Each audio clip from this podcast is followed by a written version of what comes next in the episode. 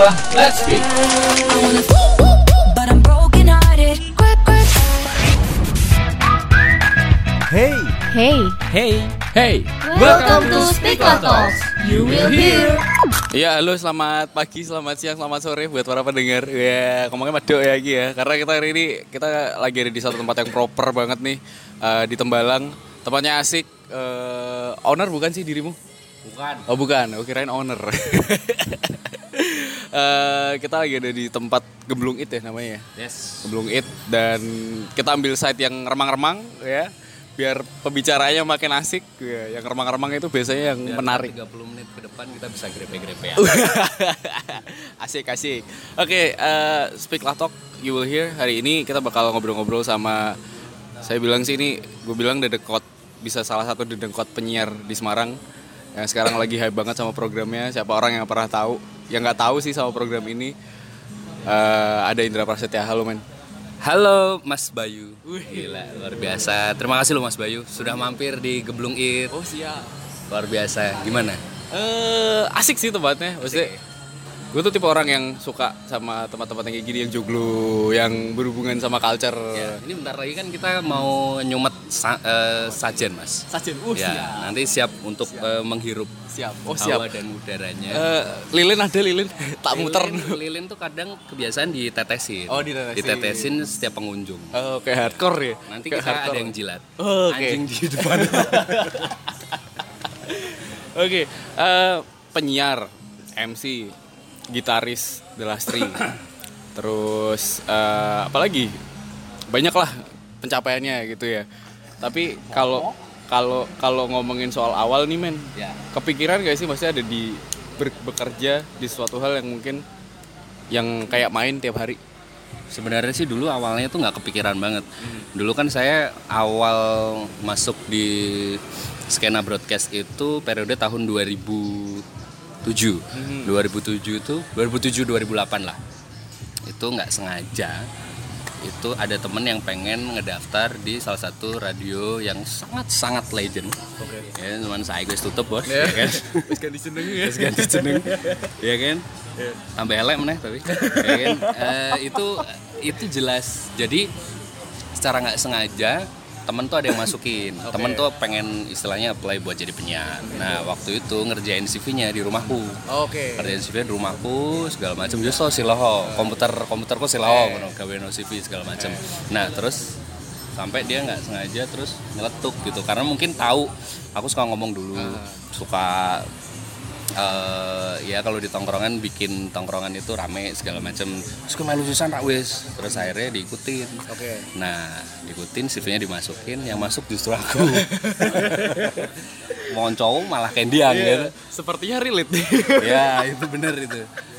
Eh, teman saya malah kendian ya kan? Tapi temenku yang kemar eh, yang dulu daftarin aku juga masih eh, masuk di industri radio Oke. dia di Gajah Mada sekarang cuman bukan jadi penyiar jadi produksi Produksi. jadi produksi malahan yang tadi pengen jadi penyiar sekarang malah jadi produksi nah mulai dari situ 2008 masuk di ABC wah dulu tuh eh, gojlokannya parah Apa kan? Gojlokannya tuh mulai dari siaran ditemenin sama program direkturnya, Oke. terus sampai eh, dituntut buat belajar karena kan ABC itu dulu eh, yang di eh, hook yang buat hooknya itu adalah setiap penyiar itu harus punya sisi personality yang baik, Oke. personality yang baik. Jadi Karakter ya, karakter, personality air yang baik gitu. Nah dulu tuh aku tuh orangnya tuh karena mungkin terlahir di eh, skena musik ya. Skena musik kan tahu sendiri lah bikin lirik yang sendu galau segala macem. Nah itu jadi sedikit rada mengarahnya ke pen- eh, penyiar atau personality yang eh, apa ya jadinya spesial DJ Spesial DJ. jadi ya curhat segala macam gitu. Dulu aku ma- masalah personal eh, air itu sangat kurang banget. Ya aku cuman bisa ngehasilin itu gitu. Dan kebetulan langsung ditaruh di jam curhat. Oke. waktu itu jam malam itu jam 11 sampai jam loro. Jam 11 sampai jam 2 tuh parah banget. siaran bengi curhat-curhat ki tolong jam jam 9 sampai jam 12 toh. itu 2008 nah kebetulan aku masuk. Itu kenapa? Karena dari program direkturnya IBC itu pengen ada circle anak bandnya. Oke. karena di IBC itu dulu belum ada yang Oke. circle anak band musisi segala macam itu belum ada. Nah kenapa mereka terus milih itu? Karena emang waktu itu nyampein ke aku tuh bikin dong eh, sekiranya vibe-nya anak-anak indie anak-anak musisi Semarang itu bisa ngedengerin radio lagi Oke. dulu tuh udah di eh, target kayak gitu 2008 terus akhirnya sampai masuk di IBC cuman bukan di bidang eh, bukan di program musik Oke. ya di bidang eh sorry program curhat itu Oke. di program curhat ya wes dari situ bermula Eh, berapa lama pegang juret? Eh, dua tahun Dua tahun. dua tahun eh, 2008 2009 2010 ya 2010 dikasih challenge lagi sama program direkturnya. Eh, ki personal eh, personality airmu mulai ketok ki. Mulai ketok aku meh gawe program apa kira-kira? Nah di 2010 itu aku nyeplos ada program yang aku ceplosin itu The Ngocol itu. Ngocol itu dari jam 8 sampai jam 11 waktu itu.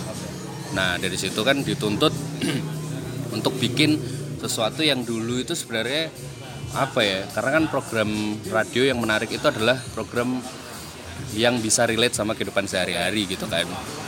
Cuman aku bedain dari kehidupan sehari-hari itu ya eh, harus ada pansnya nih harus ada hooknya. Nah dengan cara apa? Dengan cara satir.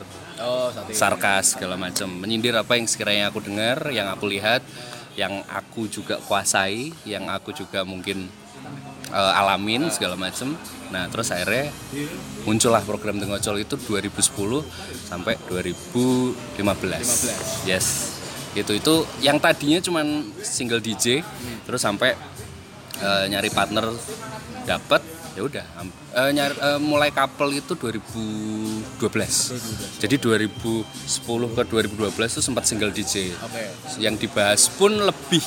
Dulu awalnya mungkin karena memang dulu kan aku masih belum punya basic secara penulisan yang baik Eh, belum punya rumusnya nih untuk eh, siaran di jam-jam segitu yang benar-benar rel- relate sama kehidupan sehari-hari itu belum nemu gitu loh. terus sampai akhirnya nemu baru nyari kapelan Oh, gitu Oke, oke. Terus eh, akhirnya sore dipegang tuh ya. Sore dipegang dengan eh, sore itu justru program sore itu masuk waktu aku masuk di tracks Oh, bukan di ABC di ABC itu justru Malam ya? malam.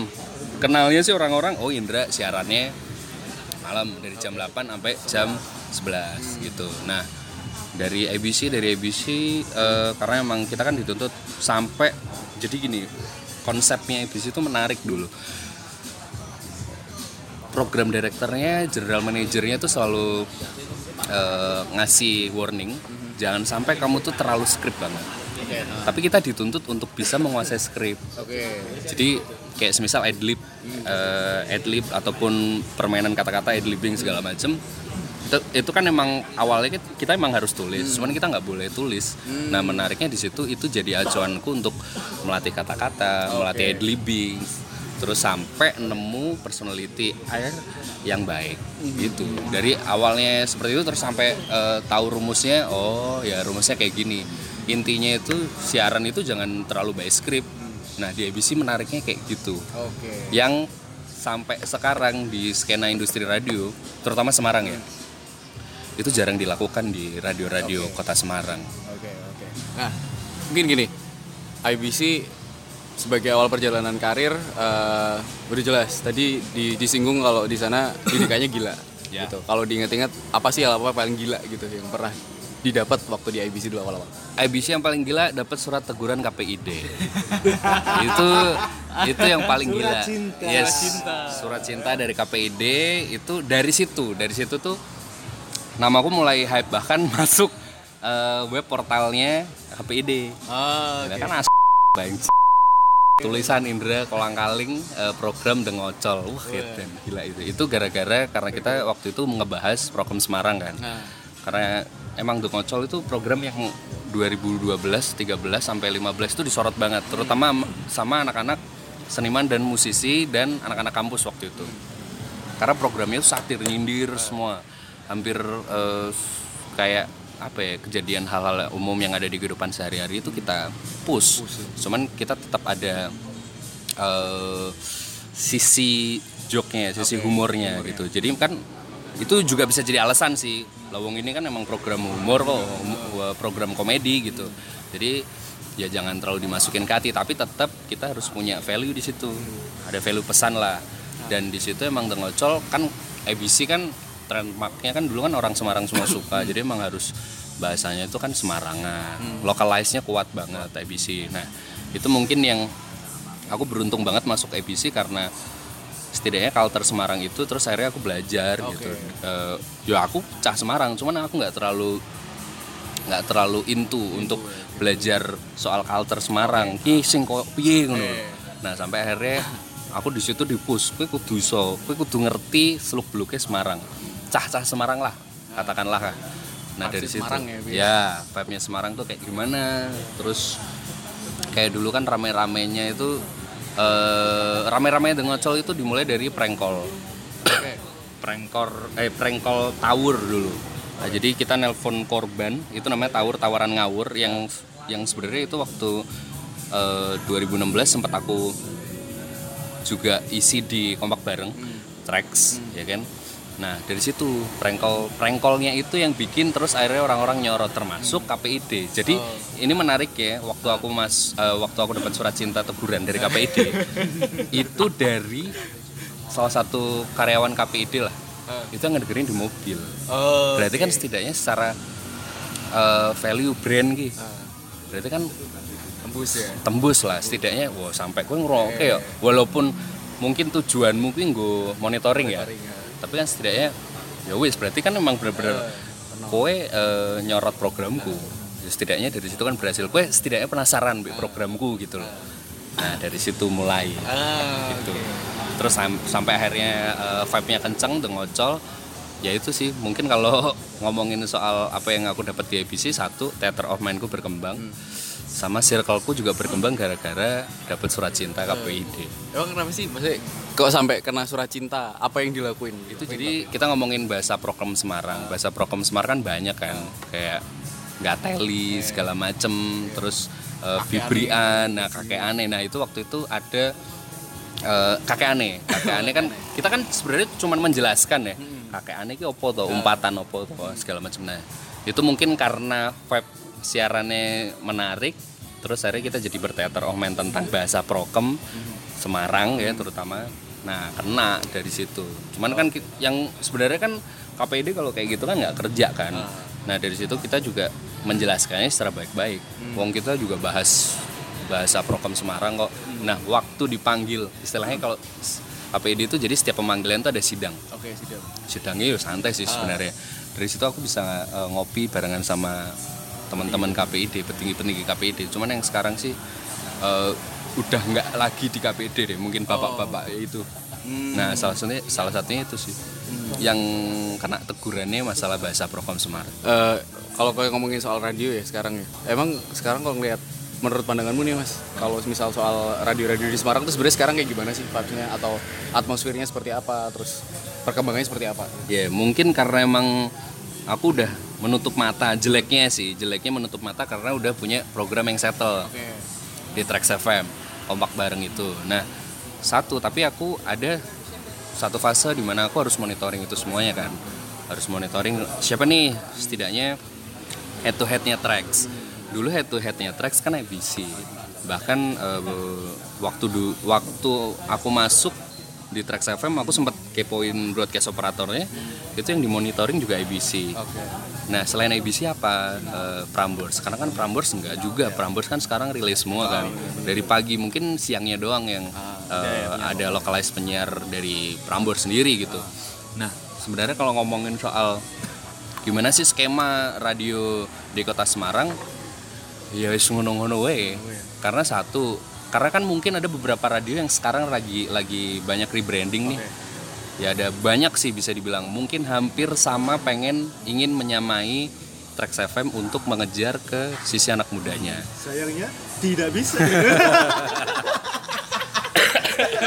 tuh tuh aku sih ngomong. Mas berat cuy, mas berat.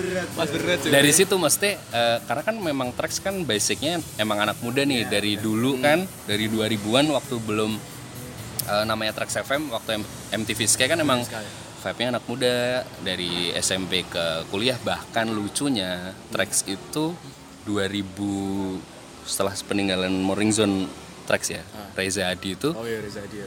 yang ngedengerin tuh hampir semua pekerja. Jadi ya ini menarik nih sebenarnya kalau ngomongin soal radio itu yang sekarang ini yang menarik justru pendengarnya. Walaupun ada pergeseran tapi yang yang tua-tua nih, misal umur 25 ke 35 itu jadi terus aktif ngedengerin radio karena apa? Karena semakin banyak transportasi kan terutama mobil ya. Jadi kalau kita tanya perkembangan radio di kota Semarang itu harus maju karena apa? Karena mobil ini.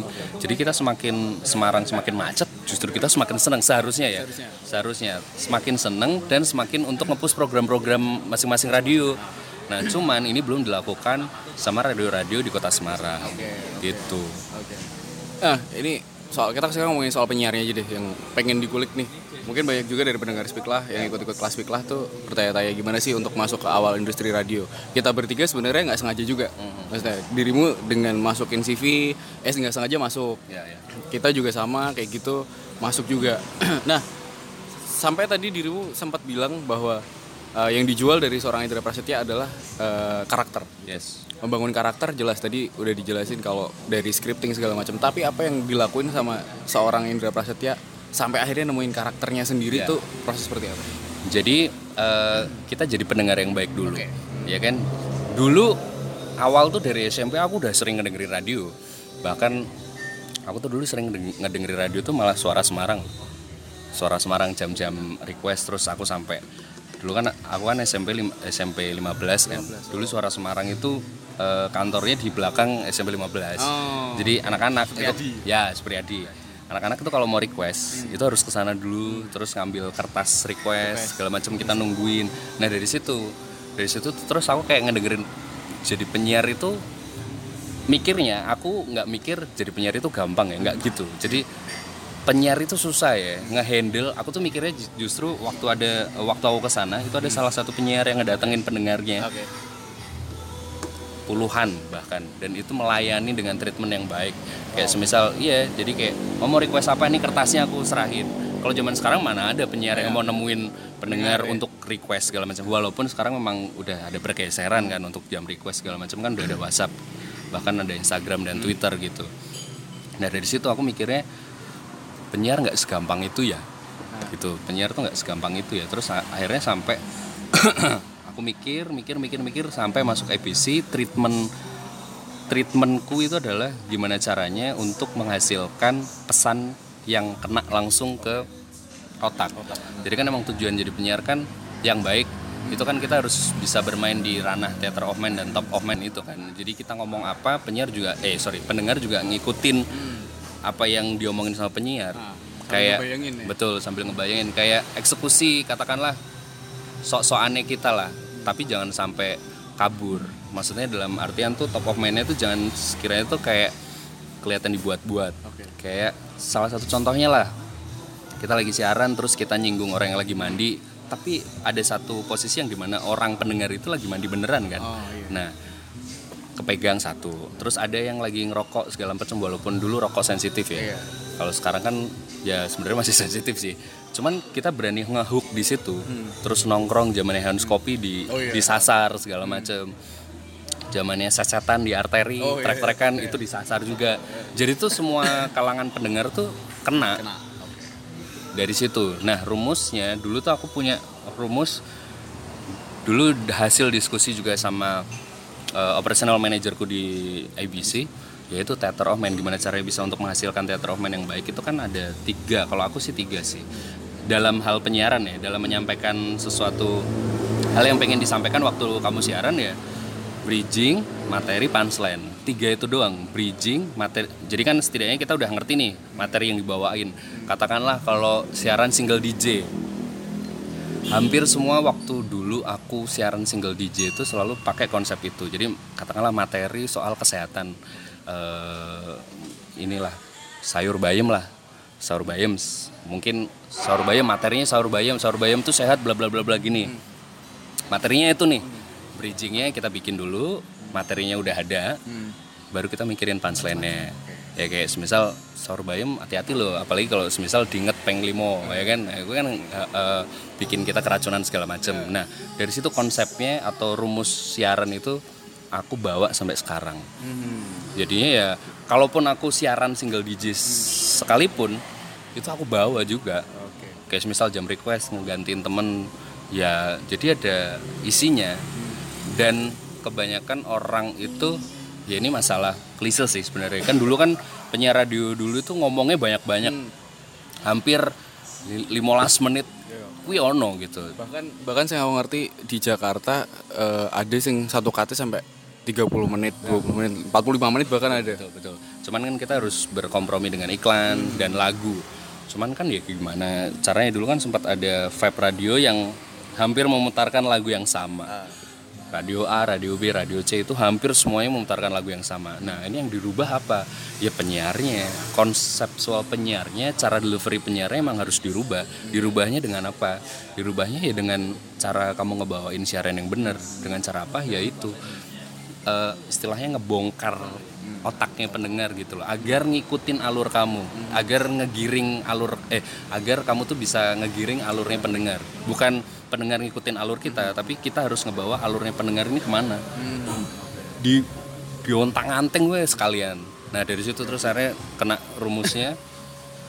Ya itu yang sampai sekarang sih kadang aku kalau ngedenger penyiar yang single DJ itu kadang kasihan cuman ngebawain materi doang habis itu lagu. Lagunya banyak iklannya banyak terus dia jarang ngomong cuman ngomong materi doang. Nah yang menarik yang aku tekanin juga di penyiar-penyiar baru itu ya ini kan kue cut semakin city ya kan? Cut kan semakin dikit nih. Kenapa kamu nggak manfaatin value itu gitu loh? Ya tadi bridging materi punchline. Dengan punchline itu setidaknya kamu didengar loh. Dengan hook atau dulu orangnya nyebutkan gong kan. Dengan gong yang tapi jangan jayus ya gongnya bener-bener nggak usah terlalu lucu deh. Pokoknya patahan patahan dari materi berita itu lah itu kan jadi menarik walaupun sekarang udah dibatasin kalau single DJ semenit. Nah kayak tadi kan eh, aku ngomongin soal sahur bayam. Misal bridgingnya apa wah enak ya pagi-pagi sambil makan eh, sahur bayam segala macem gini gini gini gini gini gini gini. Itu enak loh karena sehat. Karena sahur bayam nah kasih faktanya kan materinya kan. Sahur bayam itu mengandung vitamin bla bla bla bla bla. Nah baru masuk ke punchline punchline-nya kita pikirin punchline sahur bayam apa ya? Nah wah ini enak banget nih kalau sahur bayam itu nggak usah disayur tapi dibakar terus dilinting gitu-gitu kan terus dirokok. Nah kayak gitu-gitu loh. Hooknya di situ. Ta- tapi kan orang nganggep wah ki ganja loh rak ganja oke bayam mau bebas toh aku meh eh, ngelinting bayam terus tak rokok kan bebas. nah kayak gitu loh. Jadi eh, yang gantung tapi kamu bertanggung jawab akan punchline-mu itu materi itu. Jadi kalau semisal jadi bias gitu loh jadi orang yang dengerin oh terus akhirnya liar kan. Oh maksudnya Mas Indra ngene oh maksudnya ngene. Jadi bercabang kan.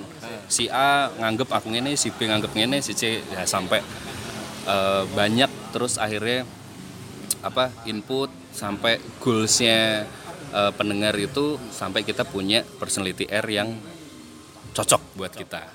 Itu sih. Kalau ngegambarin personality R eh, dari seorang Indra Prasetya sekarang itu kayak gimana? Apakah orang yang rebel? Apakah orang yang ngebanyol atau apa gimana? Eh, menarik sih dulu aku tuh terkenal saru Oh, saru. Iya terkenal saru mungkin karena emang ceplas-ceplos segala macem ya tapi sebenarnya juga kalau bener-bener eh, yang ngedengerin aku dari 2008 sampai 2019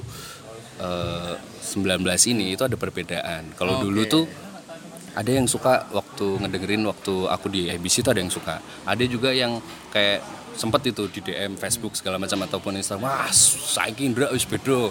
Indra toto banget gini gini gini. Tapi ada yang suka. Karena apa? Karena nggak terlalu banyak ngomong. Oke. jadi karena dibatasin itu kan. Nah batasan cut ngomong itu bisa bikin kita tuh untuk berkreasi dan berkreativitas karena tekanan itu. Oke. jadi gimana caranya? Katakanlah naik kapal kan biasanya kan maksimal 5 menit ya. Dari 5 menit itu kita bisa menghasilkan suatu joke atau eh, value experience. Karena kebanyakan aku siaran radio itu lebih ke storytelling. Jadi nggak dibuat-buat. Bahkan materi yang tadi sayur bayam itu bisa langsung nanti dicabangin ke mana-mana gitu. Misal bahas sayur bayam sayur apa meneh sayur sop. Oke. ya lodeh mangut, sampai terus akhirnya ya sampai mangut nanti dikasih punchline ke eh, masalah bau mulut bau keringat segala macem gitu kan. Terus kayak satu lagi eh, apa tipikal orang-orang ngendara motor waktu mau isi bensin segala macem. Nah itu kan dikulik. Ada beberapa orang yang isi bensin tuh ada yang nutup joknya itu biasa aja ada yang nutup joknya pakai sikut ya kan? Nah gitu, itu di push Oke. jadi kehidupan sehari-hari yang kita tangkap itu kalau bisa jangan ragu untuk diungkapin. Eh berhubungan dengan penyiar juga masih berhubungan sama penyiar eh, karakter. Oke. Tapi saiki kita eh karakterku lu yang hijrah sih. Musuhnya cah hijrah. Cebre. Cah hijrah kanca-kanca wabe. yo yo sih.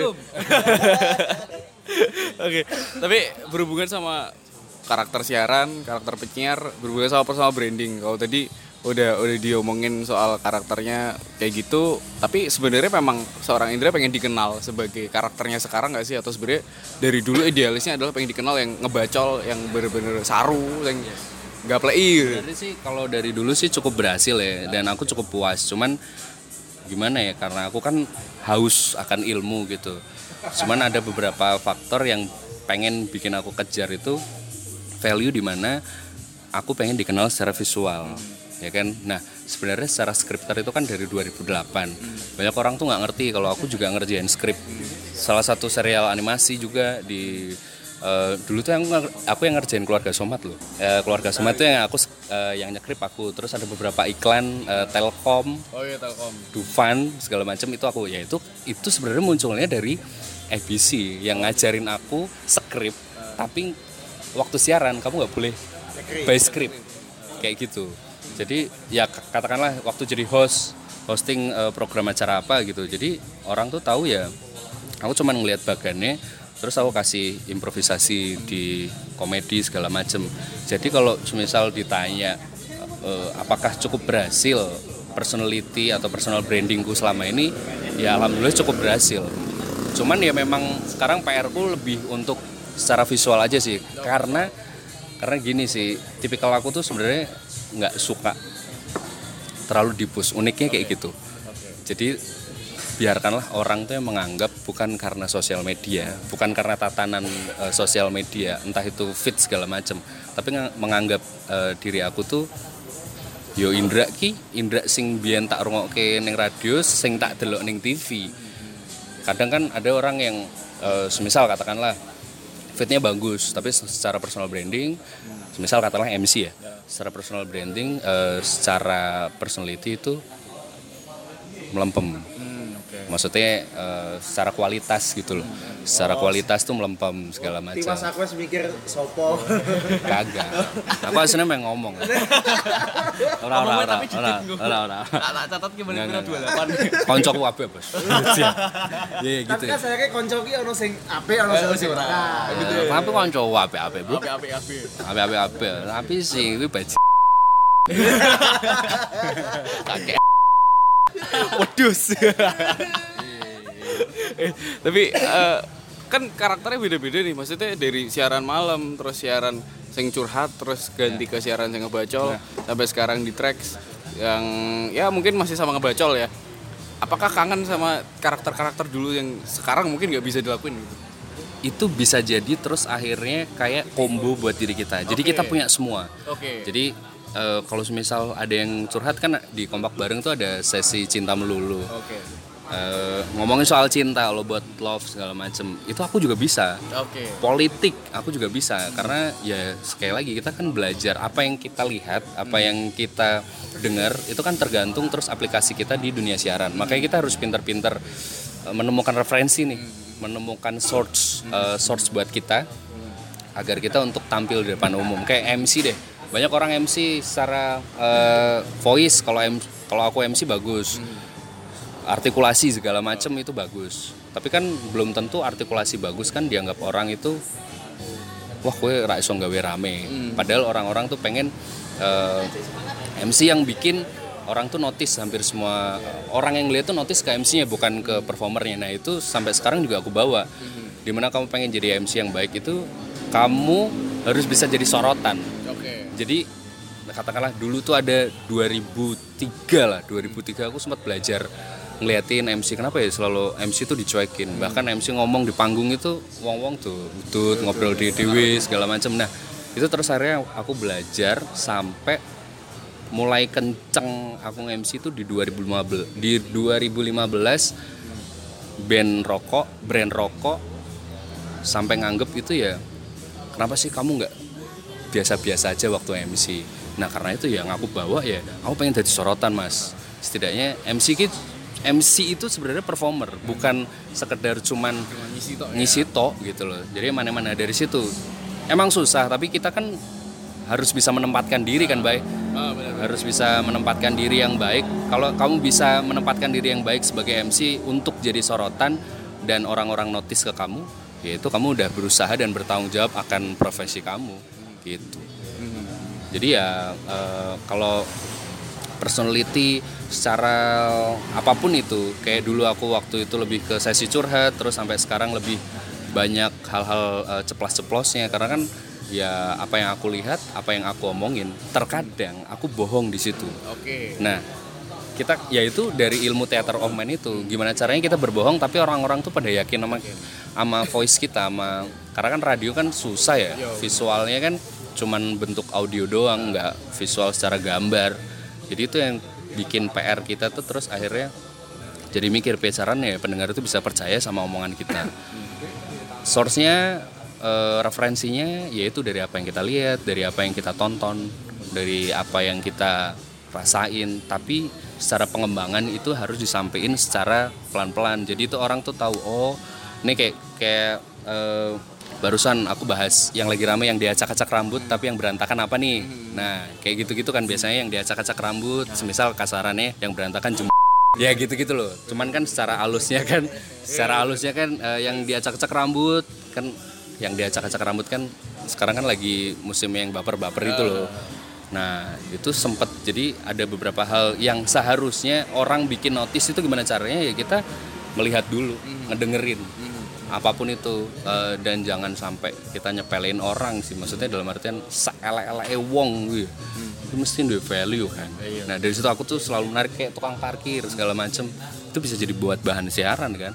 Tukang parkir yang tiba-tiba ada muncul ya padahal wong awalnya rak markiri segala macem golek duit itu nah itu kan kita bisa olah juga. Gitu.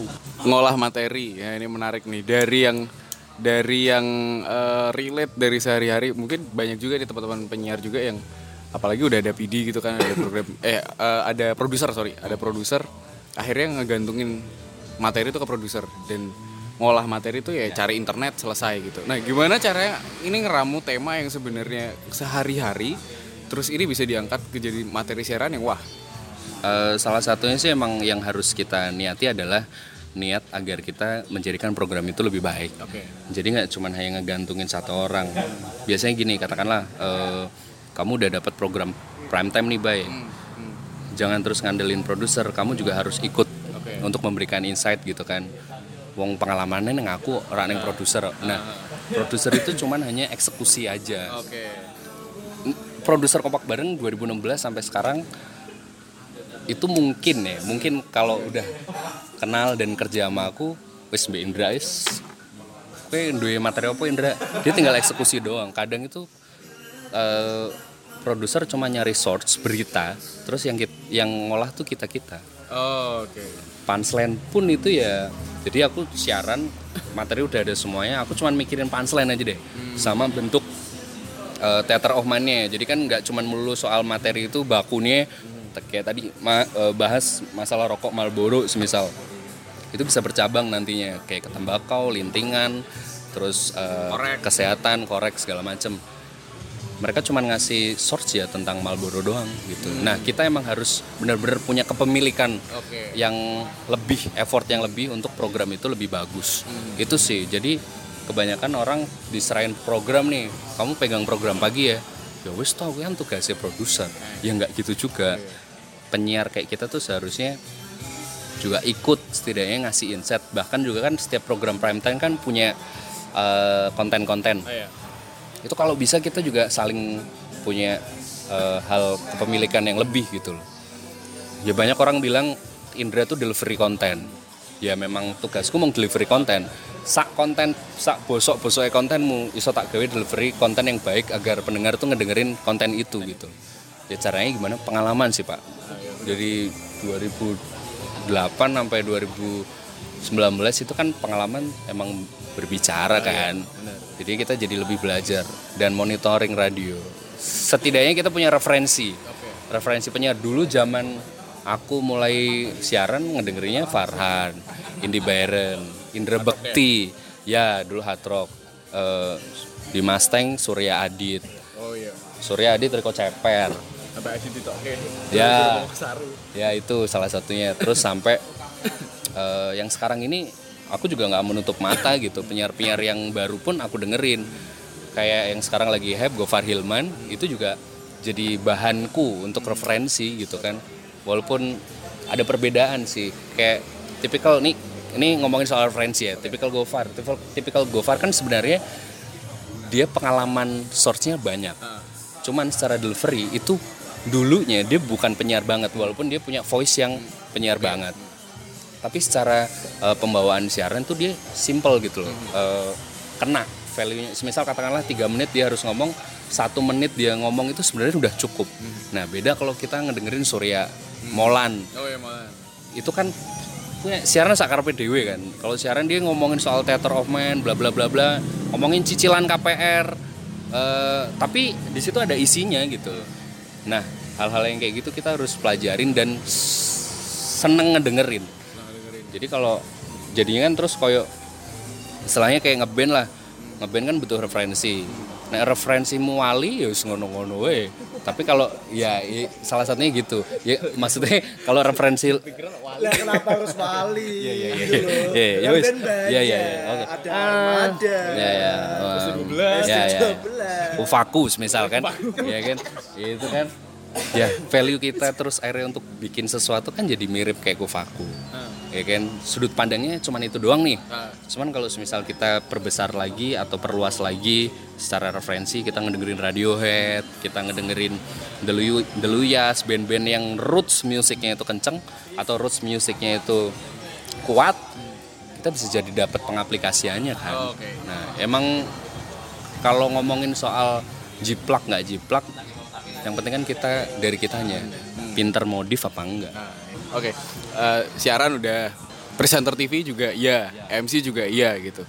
Ini satu pintu ngebuka pintu yang lain nih jelas ya dari penyiar terus ngebuka ke eh, apa namanya MC ke TV juga. Apakah treatmentnya sama ketika dirimu harus nge-MC dan juga ke TV? treatmentnya jelas beda cuman eh, penerapannya hampir sama Oke. aku nulis di keluarga somat bahkan ini sekarang udah di link di salah satu eh, stasiun televisi swasta serial animasi juga treatmentnya hampir sama. Kan kita harus punya eh, bagan dulu nih. Kalau di siaran kan eh, bridging materi punchline. Nah di skrip itu juga harus sama gitu. Mungkin yang diolah adalah di skrip sebuah cerita kan kita harus punya premis ya kan? Premis itu adalah hal yang sekiranya kamu pengen eh, push di situ atau pengen kamu ungkap di situ keresahan dulu ya kan? Jadi semisal premisnya katakanlah tentang jin. Jin penunggu nih semisal. Berarti kan udah dapet tuh jin penunggu tuh biasanya resahnya ngapain sih? Selain ngegangguin kita kesurupan sering gangguin sering gangguin manusia eh, hawa nafsu segala macam. Dari situ itu sebenarnya polanya hampir sama. Begitu juga dengan MC MC itu kan yang paling penting adalah penguasaan kan? Yang penting setidaknya kalau kita main aman lah bener-bener main aman nggak ada joke segala macam kita harus menguasai materi dulu kan. Eh, semisal katakanlah MC gathering brand eh, susu Yakult misalkan kayak gitu kan. Kita ya kan? Betul betul. Nah dari susu Yakult itu kan kita bisa olah materinya kita kuasain segala macam. Sebenarnya eh, brand itu paling seneng dibombongin apalagi kalau dibedain sama brand eh, lain. nah dari situ kita bisa caranya agar klien kita tuh suka sama kita. Biasanya kita ngebombongin klien kita kan. Kita ninggin ninggin klien kita nih. Nah itu kadang kita punchline-nya mikir di brand susu lain misal kayak gitu. Walaupun itu ada batasan di radio ya. Karena kan radio kan nggak boleh punya eh, perbandingan kan. karena kalau di MC mah bebas aja. Kayak misal dulu aku pernah nge-MC di Unika itu berbarengan eh, fantastik ya tahun kemarin. MC di Unika fantastik. Itu eventnya barengan sama event Undip kalau nggak salah UTC ramean mana? Ramean di Unika karena lebih murah. Dan di Stadion Diponegoro waktu itu. Waktu itu aku ngelempar punchline soal event yang lebih bermutu. Maksudnya kiki luwe api ki Unika daripada Undip lewong mosok event gedung larang tapi senonton Siti. Nah itu semua pada langsung tepuk tangan dan ketawa gitu loh. Cuman harus ya kita harus bisa ngelihat sih momentumnya yang apa yang harus kita bisa juga dapat kayak kalau MC treatment MC kan kita emang harus oh ya, ini satu tambahan lagi sih. Kalau MC MC itu poin yang penting adalah roasting dan riffing kan. Gimana caranya kita bis- biar bisa dinotis sama orang kita harus berani riffing. Riffing orang yang benar-benar circle-nya atau gerombolannya itu banyak nggak cuman saat kamu tapi ada satu fase di mana kamu ngeriffing eh, eh, ngeriffing atau ngerosting orang yang datang sendirian tapi dengan look yang benar-benar menarik itu juga bisa jadi bahan. Kalau treatment sam kalau pertanyaan tadi treatment sama atau enggak ya sebenarnya sih hampir sama. Cuman yang membedakan adalah tempatnya, spotnya. Spotnya yang kita bedakan sih. Jadi ya kalau MC kita kan nggak mungkin main theater of mind kan karena kadang itu terlalu sempit karena theater of mind itu butuh waktu yang banyak. Makanya dulu itu kan ada penyiar yang ngomong sampai 10-15 menit itu tuh sebenarnya nyari joke nyari nyari komedinya itu di mana. Nah kalau MC kan nggak mungkin MC kan paling eh, mentok kita ngomong 5 menit 10 menit. Itu pun kalau semisal ada event musik kan berarti kan PR kita. PR kita untuk ngomong lebih banyak misal preparing biasanya Malik itu terjadi waktu aku MC di stadion di Ponegoro acara kampus juga. Gue ngerti deh Malik kuwi paling eh, preparing ya paling ah sumpah itu paling suwi eh, Malik Silaun Seven. Ya kita nggak nyalain bandnya tapi gimana caranya kita bisa menempatkan diri agar ternotis sama orang agar kita bisa jadi MC untuk temen teman-teman semuanya gitu. Kayak gue kan bosen kan nemenin maksudnya nemenin preparing Silaun Seven ngenteni segala macem. Nah caranya kita harus bisa menghibur dari situ. Sebenarnya treatmentnya hampir sama sih cuman di sisi penempatan aja. Penempatan. Yes. Treatment konkretnya mas? Treatment kon- tadi kan apa eh, nungguin preparing buat misalnya kayak tadi Sheila on Seven sama Malik kan lama. Misalnya contoh contoh untuk kan kita kadang-kadang kan bingung bingung juga nih apa wah basok Eh, eh, karena kita apa ya terganggu sama orang yang ceklan dan lain sebagainya gitu loh. Lah itu konkretnya konkretnya gimana mas? Sama tadi kayak nge-riffing orang. Lah ngerti nih nak wong kue nganggo nggawa masa akeh terus gimana? Karena kita kan harus sedangkan MC itu kan harus berpikir dan bertindak itu dalam satu waktu gitu loh. Beda sama radio yang bisa dibangun dulu terus punchline kayak gitu kan MC kan beda gitu kak. Itu gimana mas treatment waktu nge-MC di mana kayak checkline tadi eh, banyak kru yang pada ribet gulung-gulung kabel segala macam lagi pas cik cik gitu ya. Itu bisa jadi- dijadiin bahan untuk riffing. Jadi riffing kita tuh nggak cuma penonton riffing kita ya orang-orang sekitar kita panggung kayak misal wah kayak masih ganggu bosok banget ih. bosok kayak krunya Swen ya kan? Kayak misal kayak gitu. Itu bisa bikin satu emang eh, hati-hatinya adalah sensitif.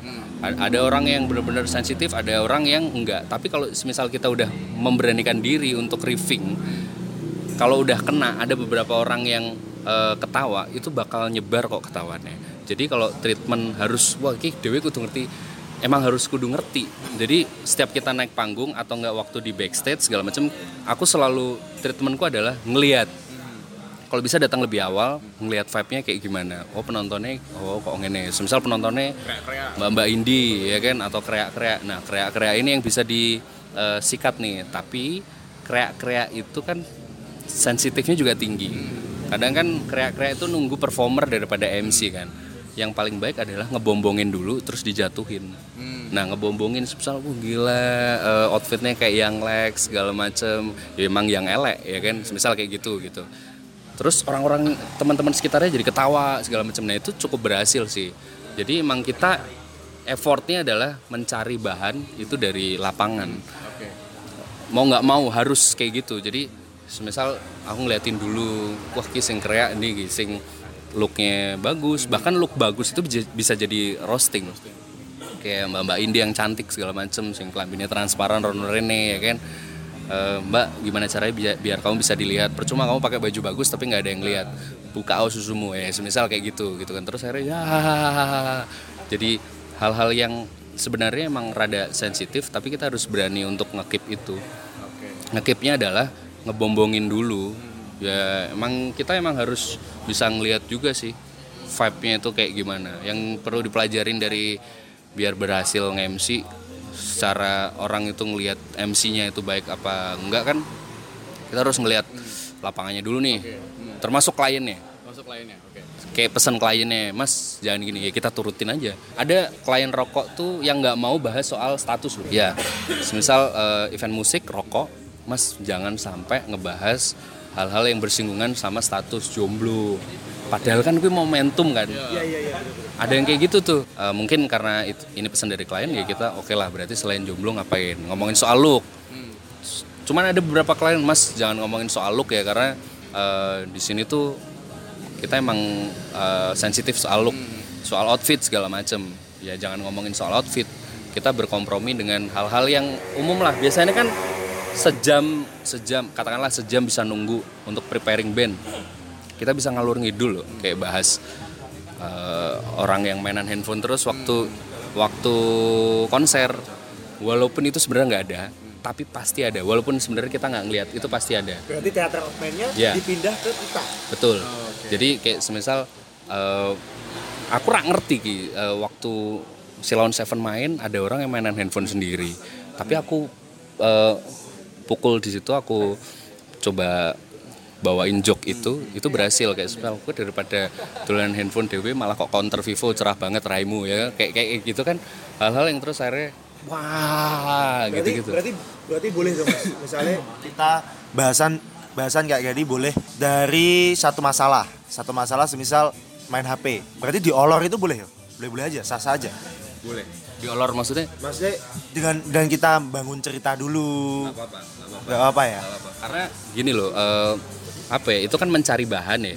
Kalaupun emang udah disusu-susu sama panitia mas bandnya udah siap nih gini-gini. Ya kita harus cut itu gitu kan. Cuman kan dengan eh, biasanya kan LO naik gitu. Mas diolorin dikit ya eh, diolorin dikit p kadang suwi gitu ya kan? Nah kita harus siap harus siap juga gitu dengan hal-hal segala kondisi. Sebenarnya satu kelemahan MC itu cara power mereka ngasih jok tapi powernya nggak dapet itu juga mentah bre jadi kita harus di apa pun itu bentuk joknya padahal joknya orang lucu sih aslinya tapi secara penyampaian itu lucu dengan emosi. Ekote, bagus ya. ya eh, nggak cuman hanya act out tapi secara penekanan artikulasi itu juga dapet gitu. Aku tuh tipikal orang yang nggak jarang main act out. Ada temen yang kayak mungkin yang sering main out temen aku Obin Robin segala macam itu sering main main act tapi ada juga ada beberapa act out itu tidak terlalu diperlukan. Jadinya terus akhirnya kayak annoying segala macam tapi ada juga orang yang benar-benar dapat joknya itu dengan out. Nah aku tipikal yang menghindari out dengan cara ya tadi eh, emosi. Kita lagi pengen menyampaikan keresahan kita otomatis tuh kita intinya sih keresahan sih. Banyak keresahan di mana kita naik panggung kamu kan pernah jadi penonton ya kan? Eh, seorang MC itu pasti pernah jadi penonton segala macam keresahannya apa tuh kayak semisal mainan handphone foto-foto jadi ganggu pandangan segala macam nah itu kan bisa jadi eh, bahan keresahan kita untuk di eh, deliveryin gitu loh untuk disampaikan ke orang-orang itu. Gitu ya. gitu bos. Oke, gitu bos. Ya, ya. Tapi siaran ngebantu MC banget gak sih? jadi kalau ngomongin soal siaran ngebantu MC betul. MC itu juga ngebantu siaran. Jadi nek aku sih siaran tuh buat jadi bahan belajarku buat nge-MC tapi sebaliknya kalau MC ya jadi bela- eh, jadi bahan belajarku untuk siaran. Kayak MC kan kita jadi kenal sama orang banyak jadi ngerti karakter orang itu sebagaimana banyaknya ya kan? Itu bisa jadi sangu buat kita waktu siaran. Begitu sebaliknya theater of mind siaran itu bisa kita gunain waktu lagi nge-MC ya sih jadi dan itu aku belajar beberapa senior emang harus riffing dan roasting itu yang hal yang paling gampang untuk dilakukan. Tap- tapi susah untuk dilakukan karena kita kebanyakan nggak mau coba. Satu ya intinya itu sih penegasan ucapan dan eh, kalimat joke kita sama artikulasi itu penting. Kadang tuh orang tuh kalau ngejok eh, gini doang tanpa ngelihat orangnya. Oh, iya, iya. seharusnya kan diliatin. Orang tuh lebih notice dengan kita. Kalau semisal kita ngelihat langsung ke mata orang itu kan jadi kayak semisal aku nggak mungkin ngomong kayak gini kan? Nggak mungkin kan? Iya. Kan? Eh, kayak semisal fokus sama partnernya. Ada loh MC yang kayak semisal fokus sama partnernya gini-gini tapi nggak ngelihat penonton. Penonton ngerasa dicuekin tuh. Ya. Terus penon- eh, eh, ngopo tuh ki? Saya tak udut lah. Nah, kayak gitu kan. Jadi emang kita harus ngelihat opsi di lapangan tuh banyak banget yang kita bisa kulik bos Ini yang jadi pertanyaan kita, men. Jadi jadi pertanyaan kita. Eh, sekarang banyak selebgram selebgram yang masuk jadi MC. Bayarnya mahal lagi. Iya, mahal lagi. masuk mahal Mahal loh. Mahal cuy. Mahal cuy. Ya, ini gimana nih? Eh, nah itu sih itu eh, entar nggak nggak lama kok dan cepet hilangnya maksudnya. Selebgram yang sekarang jadi MC sebenarnya itu juga ya bagus untuk mereka karena untuk jam terbang mereka. Cuman eh, sebenarnya sih yang diedukasi kayak emang kliennya karena kan memang terkadang itu gini loh. Klien itu mengharapkan eh, sisi promosi yang baik, tapi belum tentu juga dengan selebgram maksudnya eh, bukan terus aku antipati sama selebgram tapi dengan value selebgram yang benar-benar punya kualitas. Terkadang kan ya kayak tadi gitu selebgram terus tiba-tiba jadi MC ternyata MC-nya cuman ya gitu-gitu doang. Semisal ngandalin look biasanya kan kayak gitu kan kalau selebgram cantik terus yaudah deh kamu jadi Lu yo. Ya kan? B ngomong saru. ya ya Nah, ya, itu. ya, ya. nah terkadang itu kalau look look emang bisa di set segala macam terkadang selebgram itu harus juga ditemenin sama profesional MC dulu aku pernah punya partner MC dia selebgram followernya akeh. Tapi ternyata eh, waktu eksekusi nih waktu kita kerja bareng yus dia cuman hanya buat em, Pemanis ya. pemanis aja gitu loh waktu event itu eh, mulai gitu. Jadi emang ya itu emang diperlukan. Cuman sih pesen buat sebenarnya aku aslinya rak pesen-pesen opo-opo sih. Nantinya itu akan klien itu bakal juga ngelihat kok. Eh, kalau emang bener-bener selebgram itu berpotensi untuk jadi MC dan dia bagus ya silahkan aja. Ya kenapa enggak gitu. Tapi kalaupun ada selebgram yang tapi kualitasnya gitu-gitu aja ngomong aja belibet terus ngomong pun semisal event yang katakanlah nasional ya ngomong aja medok ya kuwi bakal nganu bro mati dewe eh. ya sebenarnya yus- ya monggo sih sah-sah aja kok Iya, sah-sah lagian juga mereka nyari rezeki dari situ kan. Sebenarnya kita nanya kayak gini juga kita pernah sharing sebenarnya sama salah satu sele- selebgram di Semarang ya. Sopo Cino Cino Tutu, tutu. Nah, Cino kan CS. Udah. CS, CS. Lu episode pertama aja. Udah, udah cu. tapi yang buri rasa-rasaan gue Gedar pecel tuh. Rasa-rasa deng buriku, deng wani, deng karepku gitu. Nah, soalnya dulu pernah kita eh, sharing sama salah satu selebgram dia bilang katanya MC kena MC piye toh sing mbok cekel apa? Sing penting rame gitu. Yang penting rame yang penting rame. Maksudnya acara itu yang penting rame gitu. Tapi untuk koyo kita MC kan ada penguasaan materi segala macam materi-materi kayak gitu ya, jokesnya pun kita pikir itu mungkin nggak kena di dia gitu. Yang penting rame gitu. Ya. Ya memang eh, ya itu yang sebenarnya sangat disayangkan. Kenapa harus nyari ramenya? Kalau event kan di mana-mana, apalagi event yang punya value gede kan otomatis rame. Banyak disasar sama orang gitu kan. Nah cuman gimana caranya? Udah event rame nih, kamu ngasih bonus lah kamu kan dibayar. Kamu ngasih bonus untuk klien kamu untuk orang-orang yang nonton kamu itu bisa jadi lebih lebih menarik event itu gitu kan. Jadi kalau alasannya ya yang penting rame. Itu sih kasihan kliennya kadang. Ya orang lihat klien eh, wong aku pernah ditegur event rame tapi MC MC ku mbek kewer kan yura Yo, proper kan. padahal kan sebenarnya kan Yuki cukup event kur event event kui rame bahkan penontonnya ngebludak-bludak tapi secara kita ngebawain terus akhirnya nggak profesional cuman biasa-biasa aja kan nanggung gitu sayang. jadi ya tujuan kita untuk jadi pengisi acara atau MC itu ya eh, jadikanlah MC kamu tuh untuk nantinya orang-orang yang dengar atau orang-orang yang orang-orang yang lihat itu ngebahas kamu. Orang yang lihat itu jadi terus akhirnya ngebahas kamu tuh siapa gitu. Dulu ada event rokok juga yang di mana kita mainin kahut.it itu loh. Nah kahut.it itu kan otomatis kita harus daftar username-nya segala macam. Itu sampai ada username yang bilang MC ne lucu. Nah itu kan jadi kebanggaan. Cuman kalau misalnya MC ne bosok itu kan ya kan pernah mainan kahut nggak? Kahut.it itu jadi kayak kuis kuis kuis secara teknologi gitu loh. Kayak semisal uh, di screennya nanti itu pertanyaan pertanyaan tentang uh, brandnya tentang acara tapi kita harus uh, register registrasi lewat handphone. Harus pakai username itu. Nah terkadang username-nya aneh-aneh kan. Ono sing opo segala macam nah kadang itu nyinggung MC-nya Nah sayang banget kalau misal dari situ kan kelihatan wah MC-nya garing, MC-nya ganti, username MC ganti modar awe. Itu kan itu de- jadi iya bener. Tapi kalau misal katakanlah MC-nya lucu, MC-nya saru, ya memang nggak apa-apa. Itu ranah kita, ya kan? Ya untuk menjadikan event rokok bro 18 plus kan itu dengan pride MC Saru, MC lucu, MC ini pertahankan, MC gini gini gini gini, MC ini anak buah Habib Rizik gitu gitulah, gitu gitu kan jadi terus akhirnya value buat kita juga.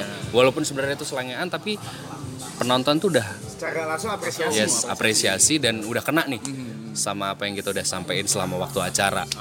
Gitu. Sayang banget sih kalau nanti ada omongan di belakang gini gini gini itu yang yang harus kita jaga banget. Ya kalau selebgram jadi MC itu kan sah-sah aja tapi sayang banget kalau alasannya cuman ya MC mumpung ya, ya. ya? ya aji mumpung sih sebenarnya boleh bos. Boleh ya, boleh. cuman lo harus tanggung jawab sama keaji mumpungan itu gitu.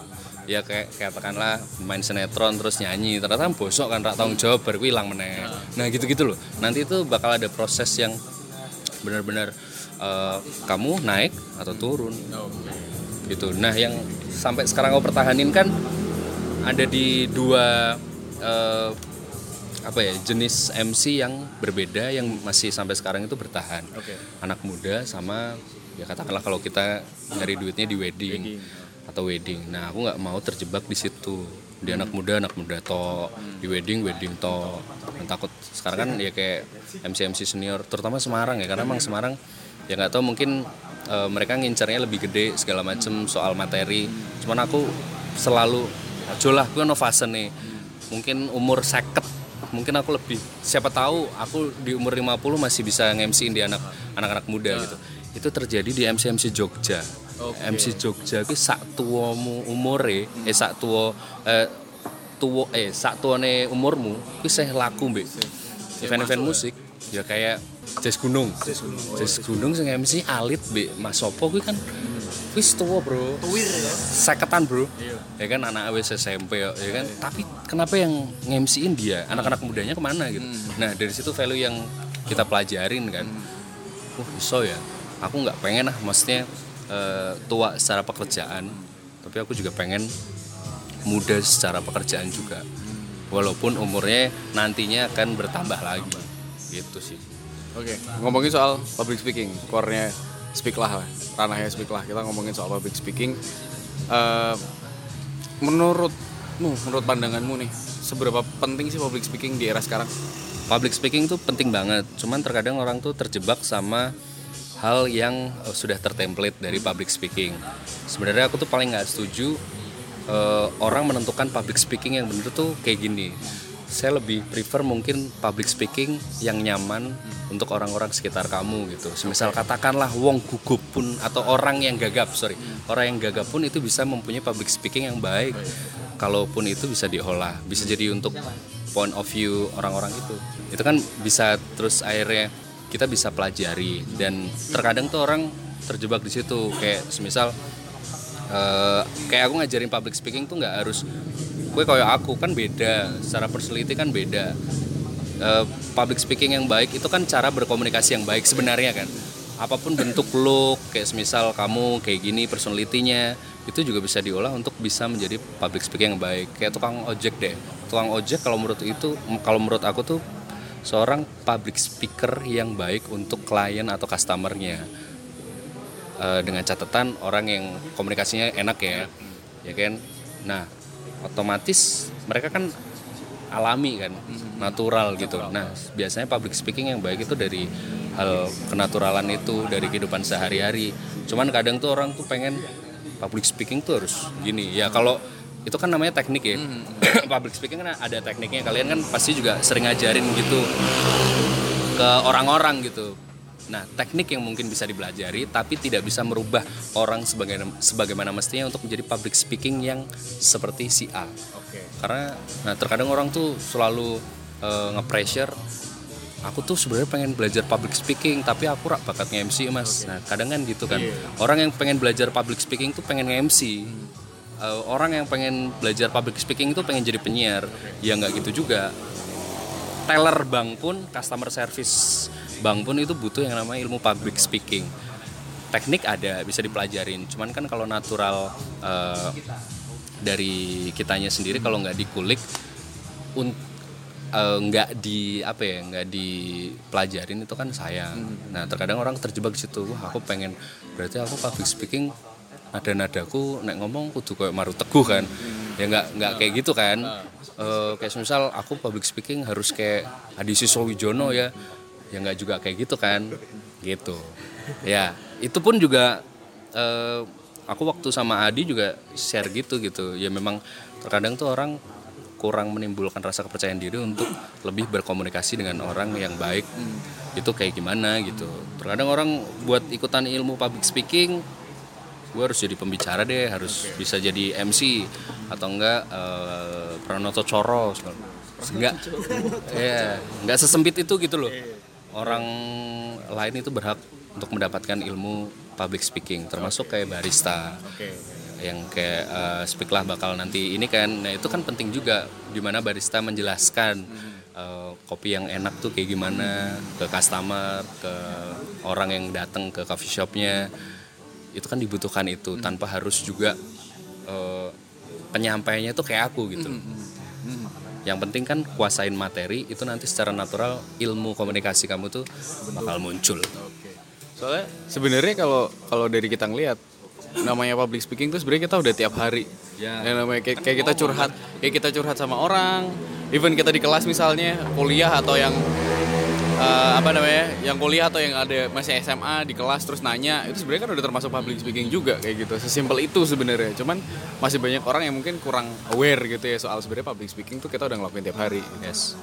Ya memang sih eh, seharusnya itu juga bisa kita olah. Terkadang tuh orang nggak percaya diri. Eh, orang banyak ikut public speaking kan sebenarnya tujuannya satu kok bos. Gimana caranya aku tuh biar bisa percaya diri. Terkadang orang tuh terkotakan dengan eh, kelas public speaking itu dengan cara orang tampil oke dan berbicara sesuai dengan speakernya. Nah, terkadang speaker tuh kurang melihat potensi apa yang ada di orang-orang sekitar gitu. Terkadang juga kalau aku ngajar segala macam ya kue iso sak gagap-gagapmu atau se nggak percaya diri kamu, selemah eh, reverb suaramu, power suaramu itu kan bisa dipelajari kayak dengan teknik kalian yang sering kasih gitu lah. Cuman ya kita jangan sampai lupain dari personality mereka. Kita lebih kayak menarik juga untuk membangkitkan rasa kepercayaan diri mereka yang ikutan kelas itu gitu loh. Jadi kayak terus akhirnya oh paham jadi lebih deket, lebih intimate gitu kan. Kamu tuh seharusnya bisa kok oh, supir ojek kan pasti juga ada ilmunya kan. Ada satu momentum di mana ada seminar soal public speaking soal ojek online. Itu waktu itu aku dibilangin temanku ada satu speaker yang dia tuh benar-benar ngulik satu-satu loh. Satu-satu supir ojek online itu untuk berbicara. Gaya bahasamu tuh kayak gimana? Gaya bahasamu Jowo gaya bahasamu Batak. Ya tekankanlah itu. Maksudnya kulik dari personality kamu yang s- yang ada. Nah tambahannya di teknik teknik public speaking. Kuat ya. ya diperkuat. Jadi mereka setidaknya tahu eh, tahu base nya gitu loh. Oh public speaking yang baik itu kayak artikulasi. Pokoknya ngomong enak enak gitu gitu nah harus diperbaiki secara artikulasi terus eh, volume suara. Kalau semisal kamu ngomong sama orang tua itu harus gimana? Ngomong sama bos presentasi pun itu harus gimana? Nggak nggak usah terlalu over over confidence segala macam itu kan nggak baik. Nah itu kan teknik semua kan tapi juga ada klien yang eh, ikut public speaking kelas public speaking itu yang ngerasa masa aku harus kayak jadi Mas Indra sih? Kan nggak mungkin gitu. Nah mereka kadang takutnya di situ gitu. Oke. mas aku nggak mungkin tuh mas jadi kayak kamu gitu. Kamu kan penyiar radio. Maksud aku nggak boleh dapat ilmu public speaking itu. Aku mau eh, owner coffee shop deh. Katakanlah aku mau owner, owner restoran gitu yang berhubungan banyak orang gimana caranya aku bisa vokal untuk memamerkan atau presentasi menu-menuku ke investor misal kayak gitu kan. Nah itu kan dibutuhkan. Nah sebenarnya itu kebanyakan orang terjebak di situ. Eh, selalu ingin menjadi eh, apa ya ya itu punya ilmu public speaking. Cuman terkadang orang terjebak sama speakernya. Pengen jadi kayak dia kan nggak mungkin. Iya benar benar. Ini juga pernah kita kita juga pernah sharing juga sama uh, beberapa klien speak lah di mana. Kita ngejelasin juga sebenarnya sebagai seorang public speaker banyak orang yang public speaker itu banyak bagus gitu kan. Dengan teknik, dengan olah vokal, dengan Yes, segala yes, macam yes. dengan caranya dia nge-grab audiensnya seperti apa gitu. Cuman yang membedakan adalah karakter. Balik Ya, lagi itu yes. karakter itu paling penting setiap orang bisa uh, jadi public speaker yang Yes. oke dengan karakternya sendiri-sendiri gitu. Ngomongin soal keresahan deh sekarang deh. Keresahan dulu nih waktu awal-awal masuk ke industri M- per MC-an dan radio gini bahkan sampai sekarang masih ngerasain nervous gak sih men? Kalau nervous itu emang pasti ya, karena untuk belajar kita Oke. juga. Eh, kalau kita nggak nervous berarti kita nggak niat untuk kerja. Nah, Oke. makanya tumbuhkanlah atau setidaknya tuh eh, jalani nervous itu. Oke. Toh ntar kalau semisal eh, itu kan otomatis bakal hilang karena jam terbang kan. Oke. Jam terbang sak dur-durmu ya tetap ono sisi nervousnya gitu. Karena itu juga eh, bentuk pertanggungjawaban kita. Berarti kita niat untuk cari duit, untuk menampilkan apa yang kita punya dengan eh forsir effort yang 100% bahkan melebihi 100% yaitu dibutuhkan nervous itu. Bahkan aku juga eh, nervous itu pasti selalu ada. Biasanya kalau nervous kan terkadang kan apa ya nervous itu muncul dari eh, halusinasi kita juga pikiran kita juga gitu kan. Dari situ kan kita jadi pengen gimana caranya ntar acara jalannya oke jalannya lancar itu gimana ya? Nah dari pemikiran itu terus akhirnya muncul nervous itu kan. Ya memang kalau nervous pasti ada. Cuman kalau bisa jangan terlalu ditekan nervous itu dijalanin. Dijalanin. Berarti nggak boleh dilawan tapi dijalanin ya. dilawannya itu dalam hal eh, untuk penggalian materi. Oke. jadi kayak semisal wah ini aku nervous sih. Apa ya no sing salah ya? Berarti aku kurang ki Eh, penguasaan materi atau penguasaan eh, nanti kamu nyiapin draft joke atau komedi yang seharusnya mungkin mungkin kamu lempar atau mungkin kamu tidak. Nah kayak gitu sih nekannya di situ nervous itu dibutuhkan karena ya itu sebuah pertanggungjawaban kita. Setidaknya untuk mengawali pekerjaan kita sebagaimana mestinya. Oke. Nah, eh, punya cara tersendiri nggak sih? Misalnya kalau bawain acara atau pas lagi mau aktivitas public speaking nih terus nervous punya cara tersendiri nggak biar ngilangin itu? Kalau aku sih biasanya ngobrol.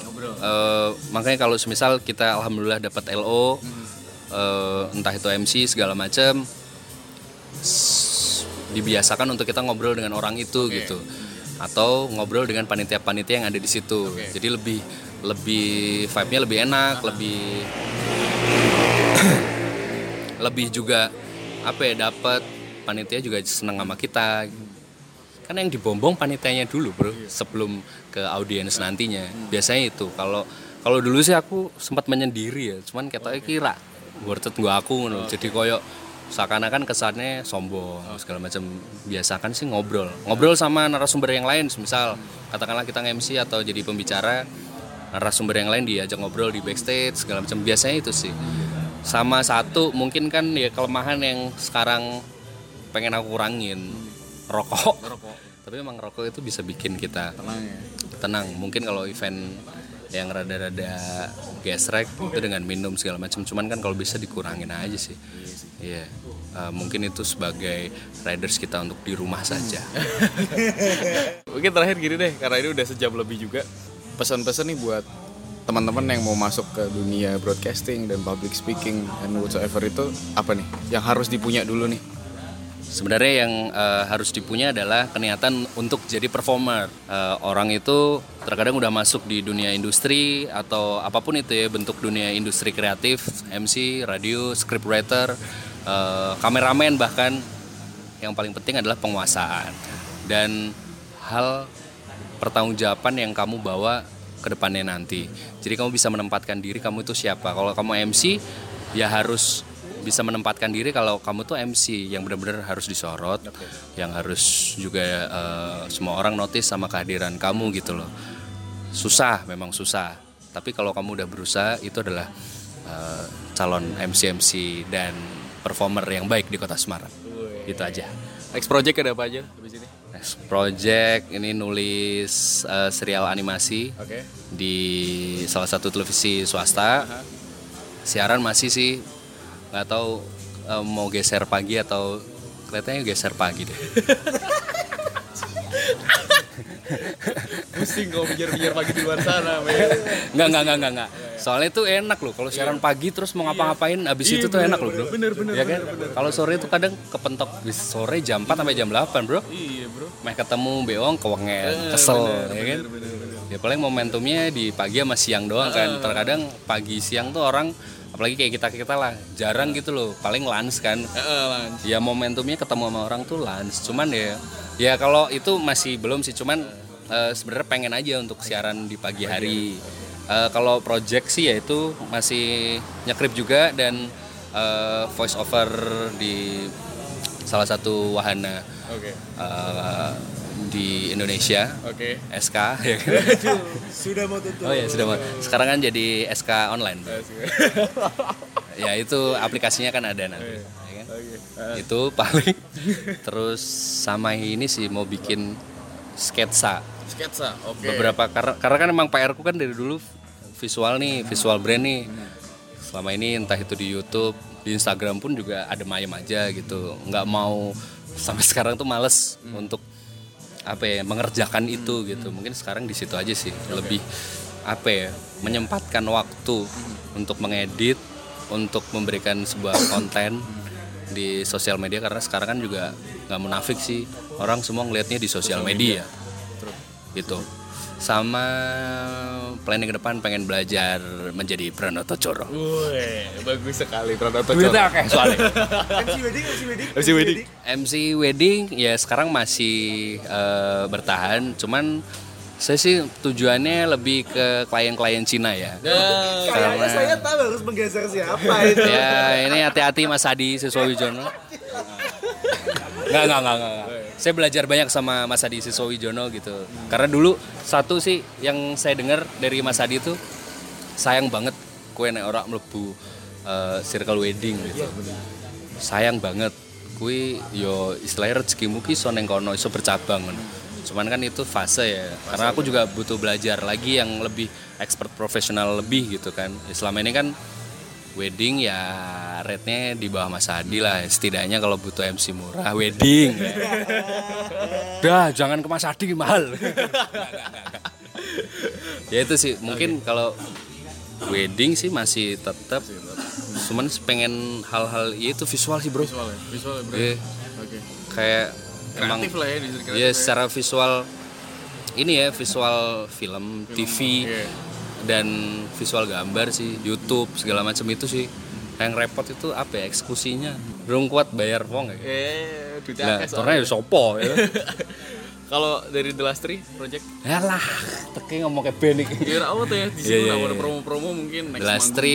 The Last Three kan kemarin barusan rilis single tuh. Ah, tuh. Sendu. Boleh dicek di platform digital. Udah ada. Kalau single sih insya Allah tahun ini lagi ada. Kelihatannya main single-single aja deh. Karena kesibukan personil. Itu aja sih. Mbak Shirley apa kabar?